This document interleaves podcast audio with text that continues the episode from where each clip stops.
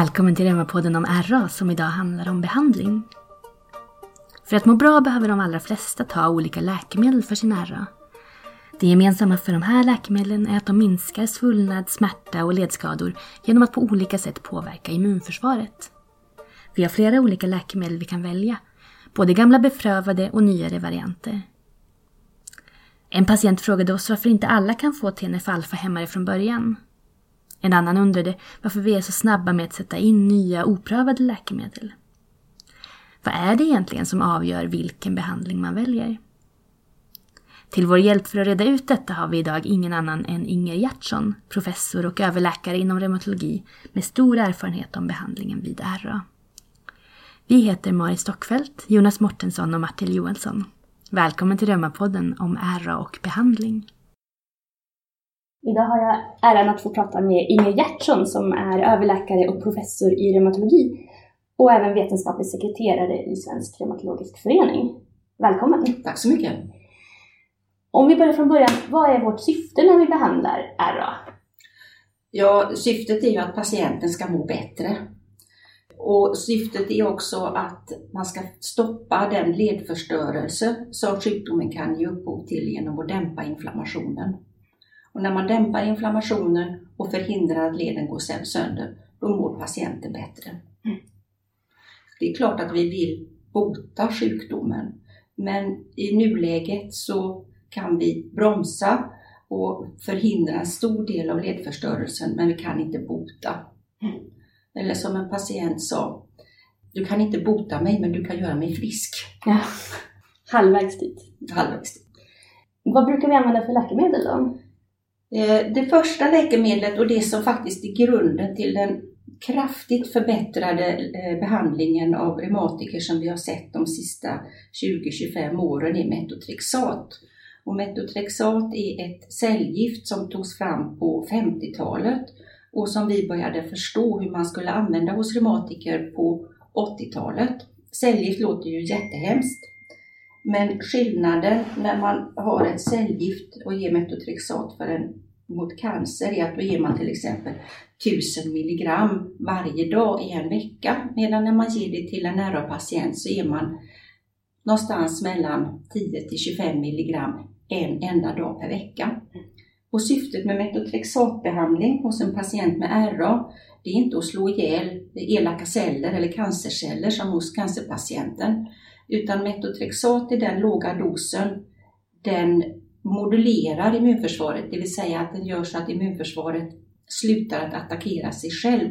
För det är just det som är grejen i eh, autoimmuna sjukdomar, att immunförsvaret fattar helt enkelt fel. Istället för att attackera virus, bakterier och andra patogena eh, mikroorganismer så sätter det igång och försöka förstöra lederna.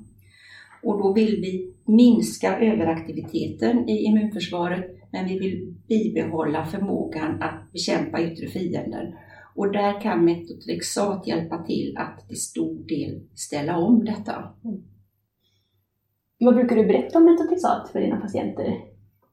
Jag brukar berätta att det är ett cellgift. Mm. Ja, för annars blir man väldigt besviken när man hittar det på internet. när man googlar. När man googlar det. Eh, och jag brukar också berätta det här att man ger det en väldigt låg dos. Att det är, syftet är att ställa om immunförsvaret, inte att döda celler. Och eh, sen har ju metotrexat självfallet biverkningar. Mm. Många patienter får väldigt lite biverkningar. De vanligaste biverkningarna är magen, att man blir rörig i magen, man kan få diarré, bli förstoppad, må illa. Mm. Och detta är ju till stor del cellgiftsbiverkningar. För även om jag försöker säga att det här inte är, ett, inte är som ett cellgift så är det ett cellgift. Och för att försöka förhindra de biverkningarna så ger vi folsyra för det stoppar till stor del cellgiftsbiverkningarna. Och det tar man då också en till två dagar i veckan. Och det fungerar ganska bra. Sen fick vi en fråga från en patient. Varför måste man ta metotrexat? Kan inte alla få biologiska läkemedel från början? Metotrexat är ju en gammal medicin. Vi vet allt nästan om metotrexat. Det är ett säkert preparat. Om patienten lämnar sina blodprover och vi tittar på dem och åtgärdar saker som avviker, då är det jättesäkert. Mm. Och ungefär 30, drygt 30 procent av patienterna blir helt bra på bara metotrexat. Mm. Sen är det klart att de biologiska läkemedlen har tillfört en helt ny dimension inom behandling av patienter med ledgångsreumatism eller RA. Men nu har vi haft dem i ungefär 20 år och det är fantastiska mediciner. Men det är samma sak där, att om man ger en TNF-hämmare så vet man då att ungefär 30% svarar på den också. Mm. Det är ett mycket mer immundämpande läkemedel än vad metotrexat är. Mm. Och sen är det också så, vilket är rätt så finurligt, att kombinationen metotrexat och TNF-hämmare ger en synergieffekt, det vill säga 1 plus 1 blir 3. För då dämpar båda inflammationen. Så för en patient som är mittemellan sjuk så börjar vi med metotrexat. Mm. Och sen väntar vi 3-4 månader, för så lång är tillslagstiden. Sen lägger vi kanske till ett biologiskt läkemedel. Kommer en patient och är jättesjuk och svullen i alla leder, då bör man kombinera från början. Så att det har att göra med hur sjuk patienten är. Men det har absolut inte att göra med hur gammal man är. Mm. Men det kan ha att göra med vilka andra sjukdomar man har så att man tar hänsyn, hänsyn till hela den medicinska säkerheten. Just det.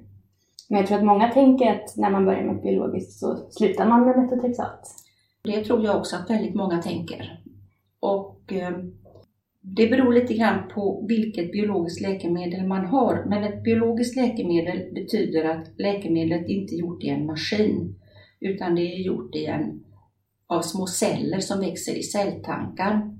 Och då får man ett protein och protein är ju till ett äggviteämne och det använder man ju till exempel i, i vaccinationer.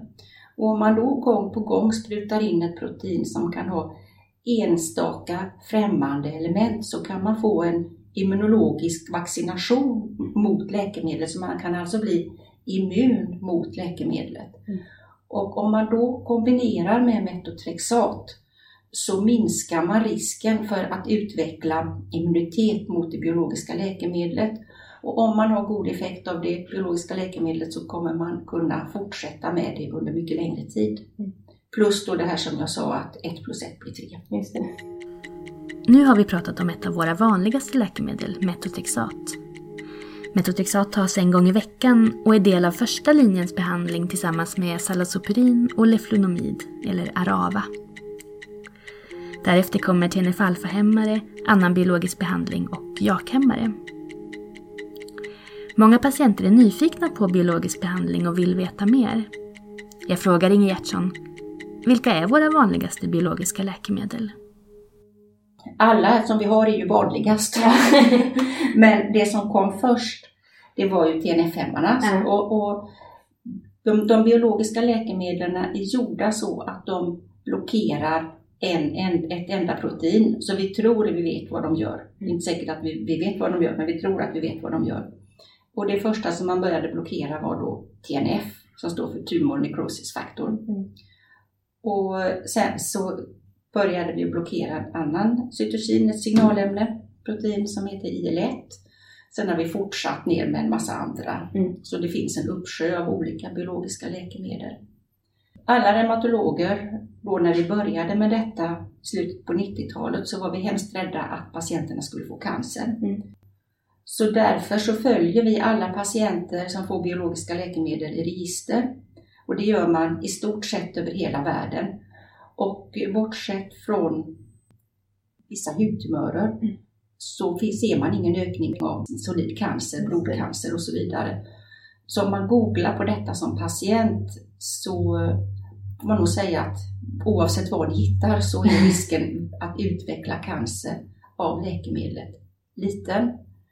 Det finns också en risk att utveckla cancer som också är ganska liten vid obehandlad RA. Så att Mm. obehandlad sjukdom är ur många aspekter betydligt sämre än att ta ett läkemedel. Det låter som ett exempel på vad man kan använda SRQ till också, vårt register. SLQ, ja, ja det träffar alla patienter i väntrummet per patientens egenregistrering. Och vill du att jag ska prata lite om Per? Ja men eh, gör det. Eh, Per, det som patienten pekar på i väntrummet eller hemma via 1177, det kommer då in i min dator på rummet och så åker det in i SRQ, eh, Svenskt reumatologiskt kvalitetsregister, stavat med Q, Swedish Rheumatology Quality Register, mm, eftersom vi är i Sverige. Och det här registret använder vi till lite olika saker. Jag och patienten tittar på vad patienten har klickat i, hur proverna ser ut och så tittar vi då på sjukdomsaktivitet, ungefär som man mäter blodtryck. Har vi nått dit vi vill? Mm. Sen kompletterar man förstås sjukdomsaktivitetsbilden med samtalet och undersökningen av patienten. Sen använder vi det för verksamhetsuppföljning. Mm. Så då kan man till exempel se att, eh, ja, så att Göteborg ligger lågt i användandet av biologiska läkemedel. Då är detta ett medel för oss att se till att vi får mer pengar till vår budget så att vi kan ge mer läkemedel till våra patienter. Och det finns många andra exempel på hur man i verksamheten kan utnyttja registret till att förbättra vården. Och den tredje och, eh, också viktiga eh, anledningen till att ha registret i forskning, där man då över hela Sverige och med etiskt godkänd också kombinera med andra register i Europa och över världen, se hur vad är det som är viktigt i behandling av RA och vad kan det finnas för miljömekanismer? Ja, forskning av olika slag. Vi var inne lite på TNF-alfa-hämmare. Mm. Vad brukar du berätta för patienterna där om? Ja, jag brukar berätta ungefär Mm. det här eh, som jag sa, att det är då ett litet biologiskt läkemedel Mm. och eh, att det produceras av små celler i eh, stora tankar och det är Mm. därför det är biologiskt till skillnad från syntetiskt. Och att eh, för ungefär 30 procent av patienterna så är det fantastiskt. Det, det är verkligen som Jesus sa, ta din säng och gå. Mm. Det är helt enastående. För 30 procent av patienterna så är det okej Mm. och 30 procent svarar inte alls. Mm. Och det vet man tyvärr inte i förväg och det forskas mycket på att hitta markörer som kan säga att just du ska ha just det Mm. läkemedlet. Och sen så brukar jag berätta att vi provar det här nu i 3-4 månader och ser om det fungerar. Fungerar det inte så går vi vidare Mm. till någonting annat. Sen så går vi förstås igenom lite biverkningar och det är väldigt lite så direkta läkemedelsbiverkningar med TNF-hämmare. Mm. Problemet är immundämpningen. Mm. Och, och eh, det som man har sett är att om man till exempel har någon gång i livet haft en tuberkulosinfektion som kanske aldrig egentligen har brutit ut men att man har bott i ett hem där någon annan har haft tuberkulos och man är smittad men det, det, inte aldrig blivit sjukdom. Då finns det stor risk att den vaknar till liv under en TNF-behandling. Mm. Så att vi lungröntgar alla innan, det gör vi för både metotrexat och för TNF-hämmare. Och för TNF-hämmare så tittar vi också i stort sett alltid för att kontrollera om man har haft tuberkulos Mm. tidigare. Har man haft det så behandlar man profylaktiskt och sen startar man behandlingen. Mm. Sen så kan både metotrexat och eh, TNF-hämmare ha väldigt ovanliga biverkningar. kan till exempel ge lungbiverkningar eh, ja, och lite annat. Mm. Hemskt ovanligt Mm. och, och det brukar jag nog inte alltid gå in på. Nej. Och när det gäller metotrexat då, om vi återgår till det, så brukar jag också faktiskt uppmana patienten att inte läsa bipacksedeln. Mm. Eftersom alla biverkningar som man får när man har tagit hög dos i cancerbehandling är uppräknade där. Just det. Mm, och det är lite lurigt och det är inte alls likadant för reumatiker. Det blir svårt att tolka. Det blir väldigt svårt att tolka. Sen har vi ju då uppföljning två veckor efter insatt behandling Mm. och med ett sköterskebesök och då är det jättebra om man tar upp sina tankar och funderingar och Mm. farhågor och mycket kan vi svara på och en del frågor kan vi helt enkelt inte. Och du sa att du utvärderar efter några månader. Ja, Vad utvärderar du då? ja eh, jag frågar patienten hur har det gått? och då säger patienten att det har gått jättebra. Ja. Och så känner vi över, undersöker lederna, tittar på Ja. blodprover, kollar biverkningar. Och om både patienten och jag är nöjd så fortsätter vi på inslagen väg. Och om patienten säger att det är sådär, så gör vi samma procedur. Och är det många svullna leder så kan det hända att vi framhärdar så vi har använt behandlingen ett halvår och gör om samma sak igen. Mm. Och har det inte hänt någonting så får man byta preparat då. Mm. Om man har RA är det viktigt att få behandling, att inte röka och att röra på sig. Men när vi nu satt in läkemedel och fått till en fungerande behandling, finns det nog något man själv som reumatiker ska vara medveten om när det gäller sina mediciner? Inge Gertsson igen. Man ska ju tänka på att när man söker annan vård så ska man alltid tala om att man står på de här läkemedlen. Mm. Och de vårdcentral och andra specialiteter ska ju veta vad det är för någonting men det är inte alltid att man kan andra specialiteters preparat. Själv är jag till mm. exempel extremt dålig på ögonpreparat och mm. ja, man glömmer. Men, så att det är viktigt att man talar om att det här är immundämpande mediciner och jag mm. har det för min reumatism.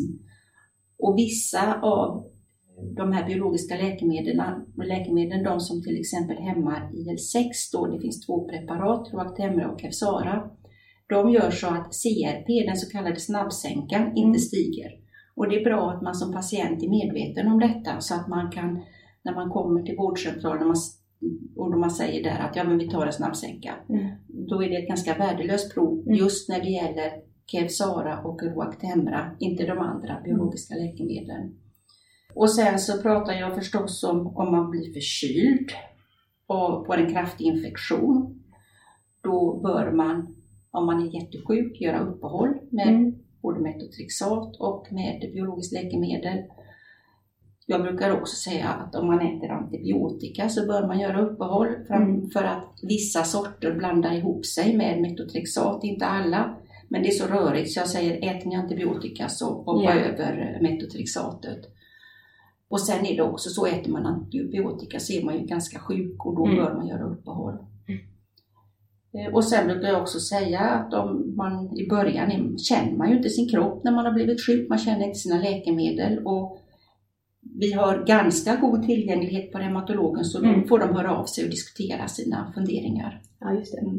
De kan alltid höra av sig. De kan alltid höra av sig, ja. Och är det så att man har en fråga som inte behöver besvaras nu så är det jättebra att använda 1177. Mm.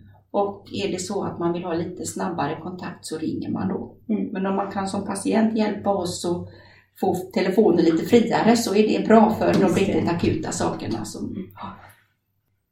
Och när jag nu ändå pratar med dig så har jag funderat på det här med morgonstelhet. Mm. Vet man varför man blir just morgonstel? Ja, delvis. I leden så finns det ju, i ledvätskan finns det mycket proteiner, mm. bland annat hyaluronsyra, som är ett långt kletigt eh, protein med massa sockermolekyler på. Mm. Och, och, ni vet ju hur det är med man har en sockerlösning, det blir ungefär hur kletigt som helst. Om man då blandar i lite äggviteämnen i det så blir det superkletigt. Mm. Och när man då sitter stilla eller när man ligger i sängen under natten, då ansamlas den här hyaluronsyran i den inflammerade leden. Mm. Och sen så när man då går upp på morgonen och börjar röra på sig, då man, får man mekaniskt pumpat undan den. Ja, ja. Det finns säkert fler ja. anledningar, men, men det är en anledning. Ja, det. Mm. Ha, eh, det var någonting jag hade tänkt fråga om. Vill du lägga till någonting som kan vara bra att veta? Ja, eh, jag kan väl tycka att om man nu inte tycker om sina läkemedel, mm. om man har biverkningar, mm och man känner sig väldigt tveksam, mm. då ska man ta upp det med sin doktor. Ja. Och det är väldigt bra att man har en öppen dialog om detta. Mm. Och doktorn blir inte arg, utan det är mycket bättre att man får en diskussion. Jag vill inte ta mitt metotrexat för att jag är rädd för eller ja, för att jag mår illa. Så att vi, det här är, när man som reumatolog har en patient och patienten har en reumatolog så har man ju ofta ett väldigt långvarigt förhållande. Ja. Och då är det väldigt bra att man pratar om det som är svårt. Just det, att man är öppen. Att man är öppen, ja. Och, och likaså med naturpreparat så tycker jag att det är väldigt bra att man tar upp och diskuterar och frågar. Så att man har en öppenhet i sin behandling. Mm. Både från doktors sida och från patientens sida. Mm. Och sen måste jag säga att jag började med reumatologi 1989, så det är mm. ganska länge sedan mm. nu. Och när jag ser den här behandlingsutvecklingen som har varit, mm. då blir jag så otroligt tacksam. Det är en sån skillnad. Mm. Det är fantastiskt. Sen kommer det mest fantastiska steget det är när vi kan bota. Mm. Men vi har kommit en bra bit på väg. Men du tror att vi kommer dit? Självklart! Ja, ja det tror jag. Ja. Mm. Fast kanske inte nästa år. Nej. om ett litet tag. Om ett litet tag, ja. Tack så mycket för att du var med Inger Gertsson. Ja, tack själv. Sammanfattningsvis finns det numera ett stort antal både nya och gamla beprövade läkemedel vid RA. Och vårt vanligaste förstahandsval är metotrexat. Medicineringen med både metotrexat och biologiska läkemedel har revolutionerat behandlingen vid RA. Därför ser vi idag sällan den utveckling av skador på brosk och ben som tidigare var vanligt hos personer med RA. När det gäller ens egen behandling kan man förstås alltid prata med sin reumatologmottagning för att få råd. Tack för att du har lyssnat på Reumapodden om ära och behandling. Om du har frågor eller funderingar, kontakta oss gärna på reumapodden vgregion.se.